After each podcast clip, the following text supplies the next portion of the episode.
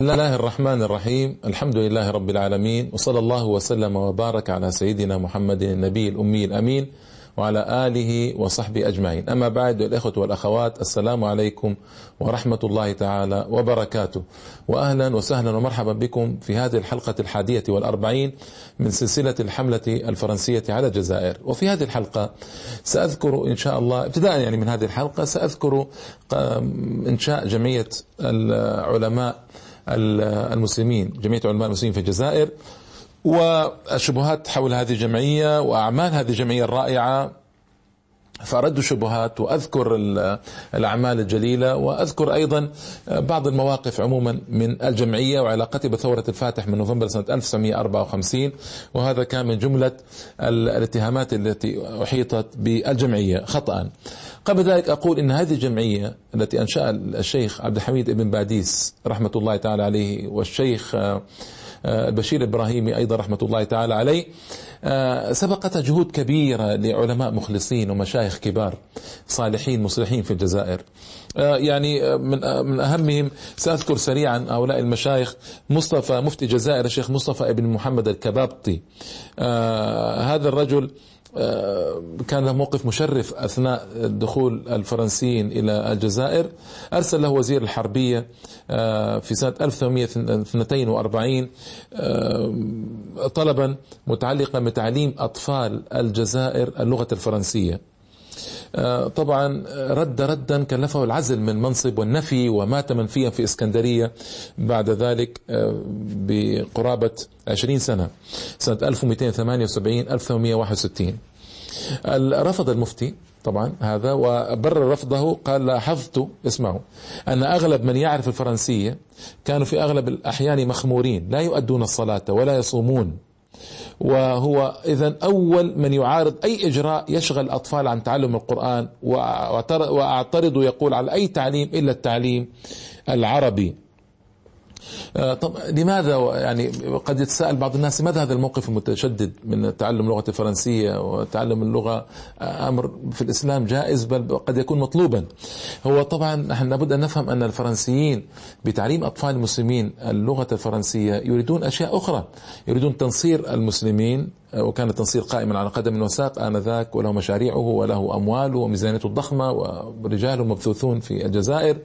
وكانوا يهدفون إلى تحطيم الشخصية الجزائرية بأن يجعل بيجعلوا الجزائريين أطفال جزائر هؤلاء يتربوا على حب فرنسا وحب لغتها وأن يشرب حب اللغة في نفوسهم وعقولهم فينشأ على كراهية بلادهم واحتقار ما عليه بلادهم وما عليه قومهم وتعليم اللغة الأجنبية في ظل احتلال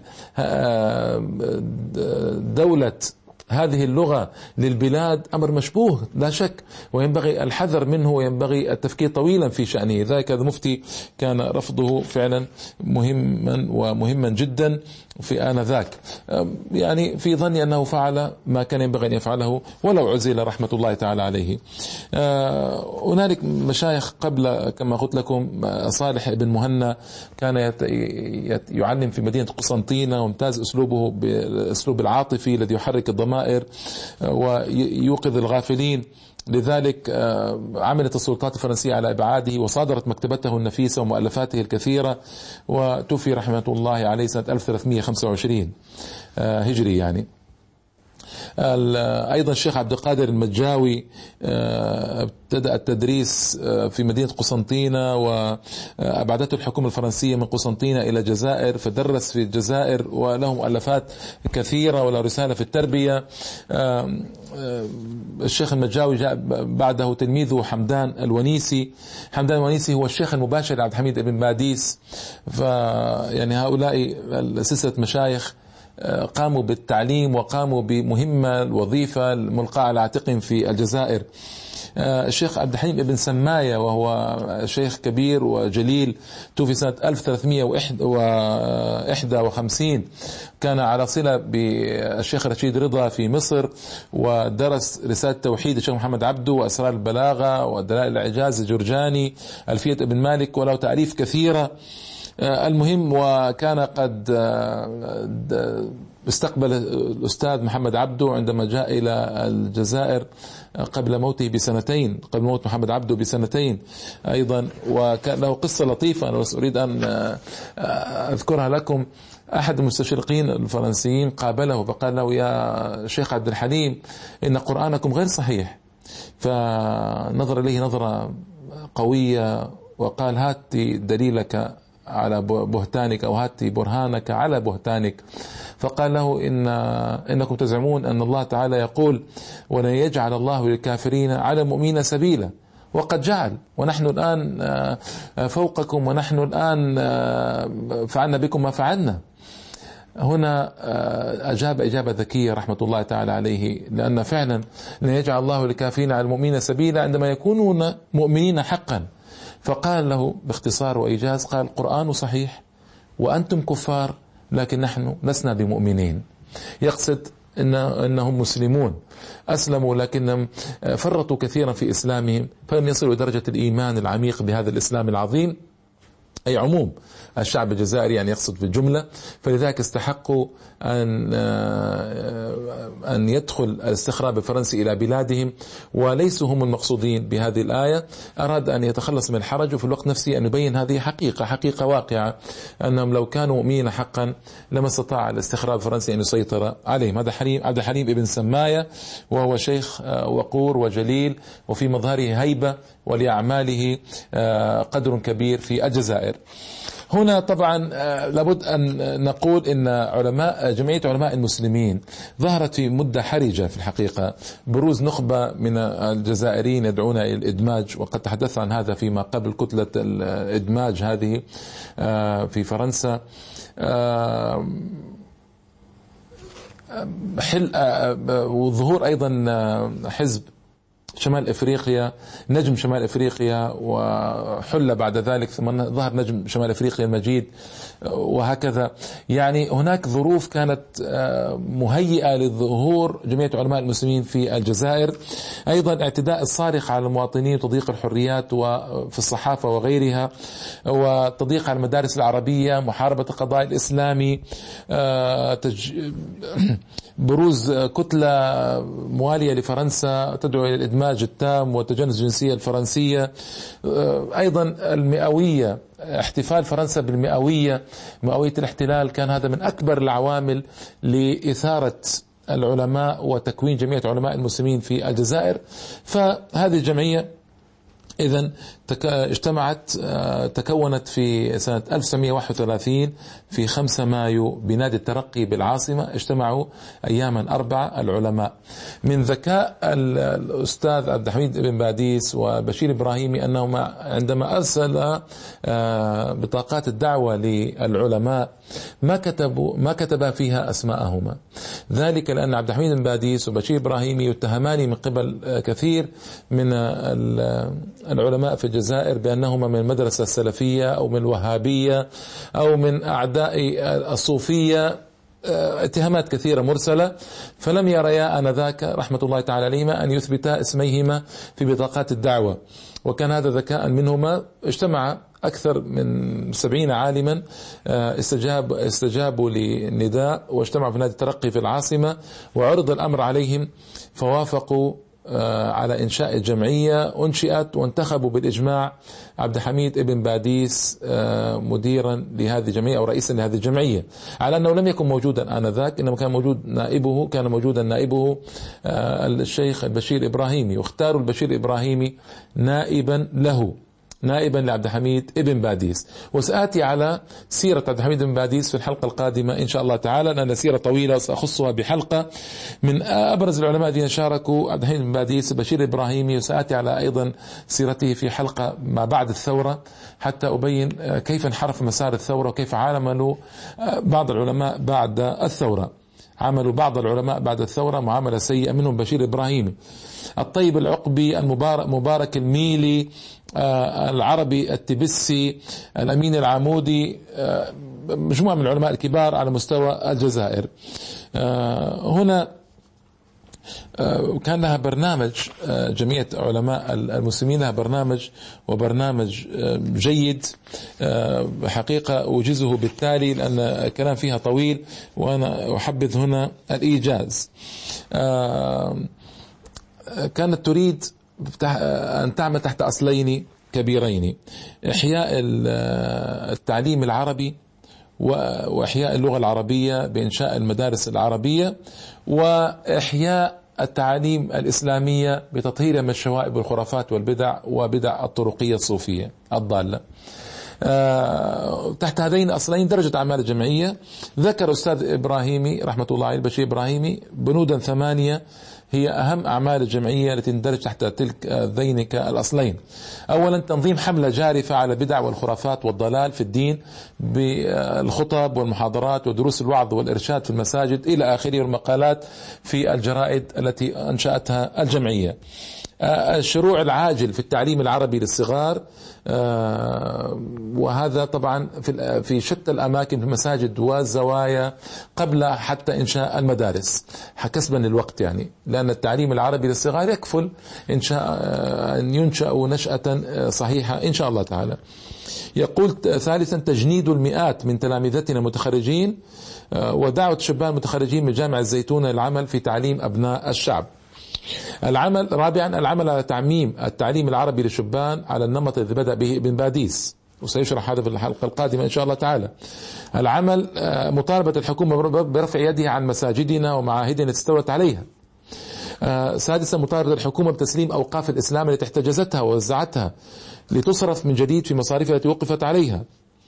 آه، سبعة مطالبة الحكومة باستقلال القضاء الإسلامي. في الأحوال الشخصية مبدئيا على الأقل مطالبة الحكومة بعدم تدخلها في تعيين الموظفين الدينيين. آه، الوسائل طبعا كثيرة تبعتها الجمعية أنشأت خلال ثلاث سنوات مئة وخمسين مدرسة يتعلم بها ما يقرب من خمسين ألف تلميذ. آه، وهذه هذا العدد ضخم وضخم جدا.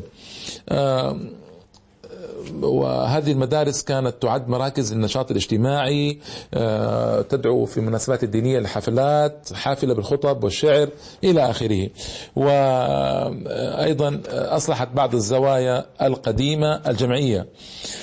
آه، الجمعية هذه بعض الناس قد يستغرب ويقول كيف آه، استطاعت أن تكتسب الرخصة لإنشائها أو لوجودها في ظل معرفة الفرنسيين الواعية بمكان من الخطر في آه، تعليم الإسلام وتعليم العربية في الجزائر. آه، طبعا هو ظن ظن الاستخراب الفرنسي ظن أن هذه جمعية مثيلات من الجمعيات وأن مؤسسيها مثل غيرهم من المشايخ بتعبير الأستاذ محمد الهادي الحسني تعبير لطيف. قال لا يختلفون آه، عمن عرفهم يعني الاستخراب الفرنسي من أصحاب العمائم كتاب التمائم قراء المآتم كناز الحمائم أي كرائم الأموال. وأن هؤلاء العلماء آه غاية عملهم ورد يتلى أو درس يملى وأن غاية أملهم أن يرفع لهم ذكر وأن يسدى لهم شكر وأن أكبر همهم جمع مال ومبلغ علمهم قيل وقال. طبعا هنا لما عرفوا بعد ذلك حاربوا جمعية محاربة آه، شعواء لما عرفوا كيف آه، هي أهداف الجمعية وكيف هو عمل الجمعية وماذا عملت الجمعية من آثار في الجزائر. آه، في الحقيقة الجمعية واجهت عدة خصوم. آه، سأتحدث عنهم إن شاء الله تعالى في حلقة خاصة بخصوم جمعية علماء المسلمين في الجزائر. آه، فلا أتحدث عنهم الآن لكن هم استطاعوا أن يجددوا المعالم الإسلام في الجزائر وهذا شهد به الفرنسيون قبل الجزائريين.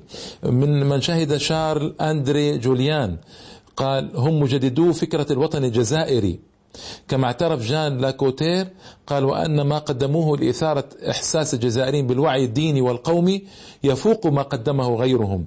آه وأكد ذلك إندري ديريليك أيضا والفضل ما شهدت به الأعداء ولا شك. وهنا الجمعية الجمعية طبعا كان لها مواقف كثيرة وكثيرة جدا. سأحاول أن أوجزها بقدر الإمكان. وأيضا هنا الجمعية وقفت مواقف رائعة منها مسألة الإدماج.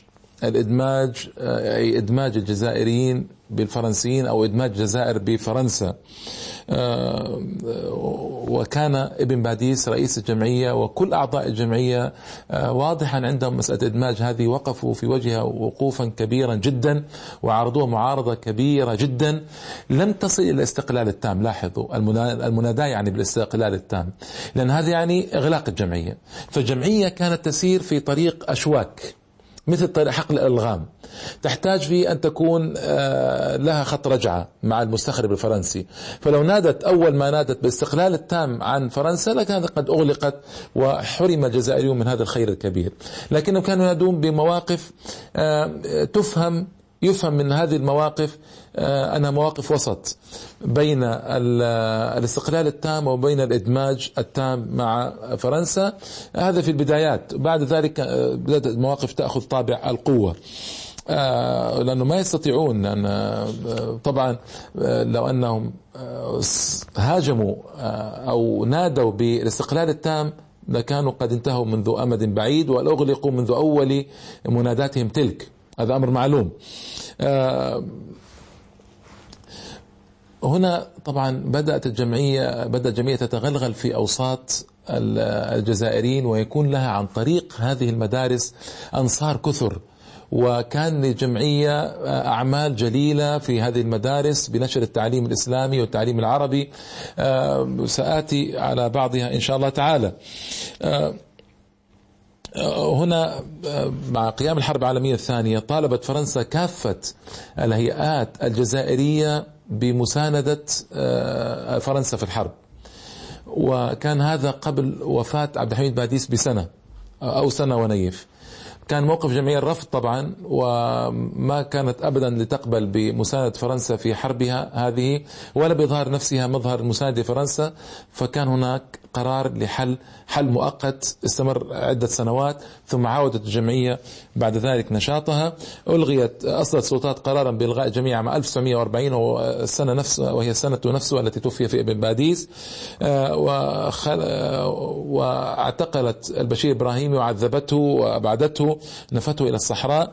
آه، لكن في عام 1946 عادت الجمعية للنشاط بعد الإفراج عن رئيسها لكن لم تعد كما كانت من قبل وفي 1956 حلت هذه الجمعية. آه، في الحقيقة أنا أريد أقول الجمعية آه، وجهت مواجهة كبيرة جدا من قبل فرنسا. ماذا صنعت؟ فرنسا عملت التالي. أولا إنشاء جمعيات ضرار تضار بها جمعية علماء المسلمين الجزائريين. وسأذكر هذا إن شاء الله تعالى في المواقف العداء التي وجهت بها هذه الجمعية في الحلقة القادمة. السعي والضغط لتغيير قيادة الجمعية. حاولوا بكل ما يستطيعون أن يغيروا قيادة الجمعية آه، عبد الحميد باديس ثم بشير إبراهيمي آه، ما استطاعوا. خاصة بعد وفاة ابن باديس حاولوا يفرضوا شخصا على الجمعية وما استطاعوا. منع العلماء من الوعظ والإرشاد في المساجد أن ما هي المحاضن الحقيقية للجمعية؟ المدارس والمساجد فإذا منع العلماء من المساجد وأغلقت المدارس فقد ضيقوا إذا جدا على الجمعية. آه، من العلماء من التجول في الجنوب الجزائري الخاضع للحكم العسكري المحض لأن كان الحكم في الشمال الجزائري حكما مدنيا لكن في الجنوب الجزائري كان حكما عسكريا محضا. فمنع العلماء من التجول في الجنوب الجزائري بالكامل بحجة أنه خاضع الحكم العسكري ولا يقبلون. منع جرائد العلماء والتضييق عليها منع جرائدهم من الصدور آه، بل إن حاكم العام للجزائر أصدر قرارا بمنع أي جريدة لجميع علماء المسلمين حتى قبل أن تصدر تصادر يعني قبل أن تصدر. وهذا ضيق عليهم جدا. لكن استطاعوا أن ينشئوا بعض الجرائد المهمة مثل الشهاب مثل البصائر التي استمرت مدة طويلة نسبيا وكان لها أثر كبير وكانت توزع أربعة آلاف نسخة في آه، كل عدد. وهذا طبعا رقم كبير آنذاك بالنسبة لمجلة مثل هذه تصل بالعربية وانتشرت بين أبناء الجزائر. آه، منع جرائد الجرائد آه، والمجلات من الصدور فرض الإقامة الجبرية على العلماء في بعض الأوقات مثل الشيخ عبد الحميد بن باديس آه، الإبراهيمي عربي التبسي إبراهيم بيوض وغيرهم. هذه طبعا إغلاق مدارس العلماء. هذا ما واجهت به فرنسا الجمعية. ورمز هذه المدارس مدرسة الدار الحديث بتلمسان. وسجنت العلماء بعض العلماء والمدرسين ارتكاب جرائم قتل. واتهام العلماء بالتحريض عليها.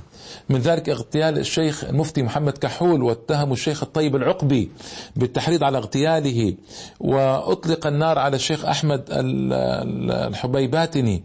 واتهم الإمام ابن باديس بالتحريض على اغتياله. وهذا كله طبعا تم من أجل تشويه صورة العلماء حتى أن الطيب العقبي اتهم بالاغتيال اتهم باغتيال الشيخ محمد كحول. اضطر للاستقاله من جمعيه سنة 1938 بعد كثرة الشائعات حوله. آه، وليس مناسب ان يبقى في الجمعيه طبعا. تدبير المحاولات لاغتيال قادة هذا التيار مثل ما دبروا لقتل ابن باديس وأيضا إبراهيم بيود وسيأتي إن شاء الله هذا أيضا. آه، هذا أيضا أمر مهم أن يفهم في جميع العلماء المسلمين في الجزائر وماذا صنعوا بها. آه، هنا آه، الجمعية الجمعية هناك جهود آه، كبيرة قامت بها. لكن من أهم هذه الجهود أيها الإخوة والأخوات هو نشر التعليم العربي والتعليم الإسلامي في الجزائر. بحيث أن عند المنصفين كانت هي المحضر الحقيقي لثورة الفاتح من نوفمبر سنة 1954 بأن نشرت الوعي الإسلامي والتعليم العربي خاصة في وقت جرم فيه التعليم العربي تماما كما قلت لكم قانون شوطان وزير الداخلية الفرنسي بتحريم تعليم اللغة العربية في الجزائر وعدها آه، لغة دخيلة وذلك في قانون مشهور بقانون شوطان الذي صدر سنة 1938 حرموا فيه تماما التعليم الفرنسي في التعليم العربي في الجزائر. لا فجمعية لها أثر كبير جدا في نشر التعليم العربي في المساجد في الزوايا في المدارس التابعة لها وكانت عملا جبارا بكل مقاييس. آنذاك طبعا. آه، آه، كونوا نواة لشباب مسلم يمكن الاعتماد عليهم فيما بعد أن نحن عندما ننظر إلى أن التعليم كان باللغة الفرنسية وما يترتب على التعليم باللغة الفرنسيه من تمجيد فرنسا وتمجيد آه، الثورة الفرنسية وتمجيد الاحتلال الفرنسي في الجزائر والنظر لكل ما يخص الإسلام والمسلمين بعين الاحتقار وتحقير الحضارة الإسلامية هذا كله كانت تعمل تعمله فرنسا في الجزائر كما تحدثت عن هذا في حلقات سابقة. فينشأ ناشئ الفتيان في المدارس الفرنسية على هذا. فماذا نتصور اذا فلو ترك النشأ الجزائري ولم تكون هذه الجمعية ولم تنشر الخير الذي نشرته. لكان حدثت كارثة في الجزائر وانتشر التعليم الفرنسي وانتشار التعليم الفرنسي يؤدي إلى خمود خمود آه، الثورة في نفوس الشباب خمود الحس الجهادي في نفوس الشباب الجزائري وهذا يعني استقرار فرنسا الأبد في الجزائر. إذا لابد أن نلاحظ أن هذا العمل الجليل النبي الذي قام به الجمعية كان هو المحضر الحقيقي على الرغم كل ما قيل آه، ضد الجمعية المحضر الحقيقي لثورة الفاتح من نوفمبر 1954 ولكن للأسف الشديد أن هذه الجمعية حلت سنة 1956 لم تستطع بعد ذلك أن تقوم وإنما بقيت آثارها الخالدة وبقيت كتاباتها الجليلة وبقي آه، كثير من علمائها بعد الثورة لكن للأسف الثورة عاملتهم معاملة في الجملة كانت معاملة سيئة لم تنصفهم الإنصاف المطلوب وذلك لغلبة التيار اليساري على الثورة وعلى الحكام الجزائريين بعد آه، قيام آه، الدولة الجزائرية واستقلالها عن فرنسا 1962 ابن باديس استطاع أن يعمم هو بشير إبراهيمي جمعية بإنشاء فروع في كافة أنحاء القطر الجزائري. وهذا عمل أيضا جبار لأنه كان يتنقل تنقلا كثيرا في أرجاء الوطن الجزائري من أجل آه، عمل جمع فروع لجمعية جمعية علماء المسلمين. ونحن نتحدث عن ثالث أكبر دولة إسلامية في العالم الجزائر.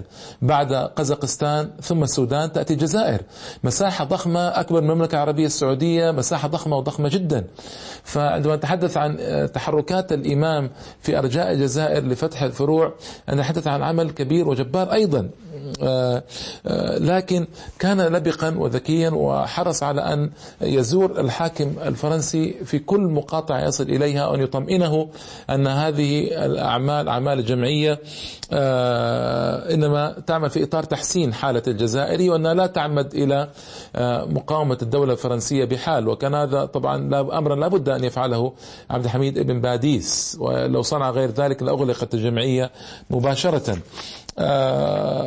طبعا هنا سآتي بعد ذلك إلى آه، إلى إلى آثار آه، المباشرة لمشايخ هؤلاء في تراجمهم إن شاء الله تعالى عندما أتحدث عن أتحدث عن ترجمة الشيخ ابن باديس وترجمة بشير الإبراهيمي رحمة الله تعالى عليه.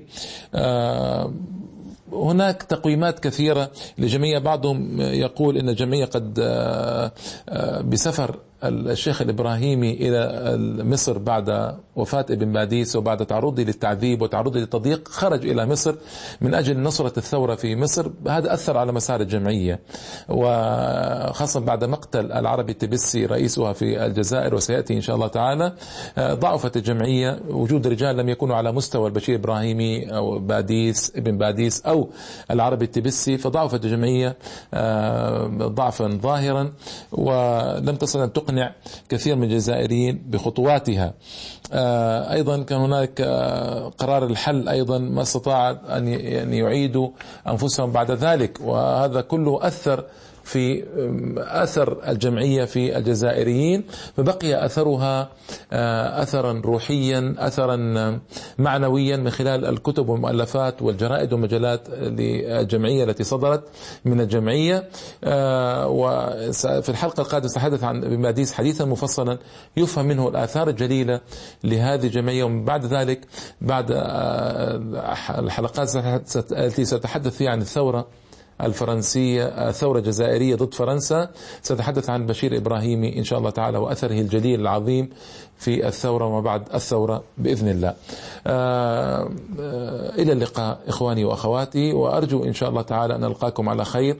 والسلام عليكم ورحمة الله تعالى وبركاته.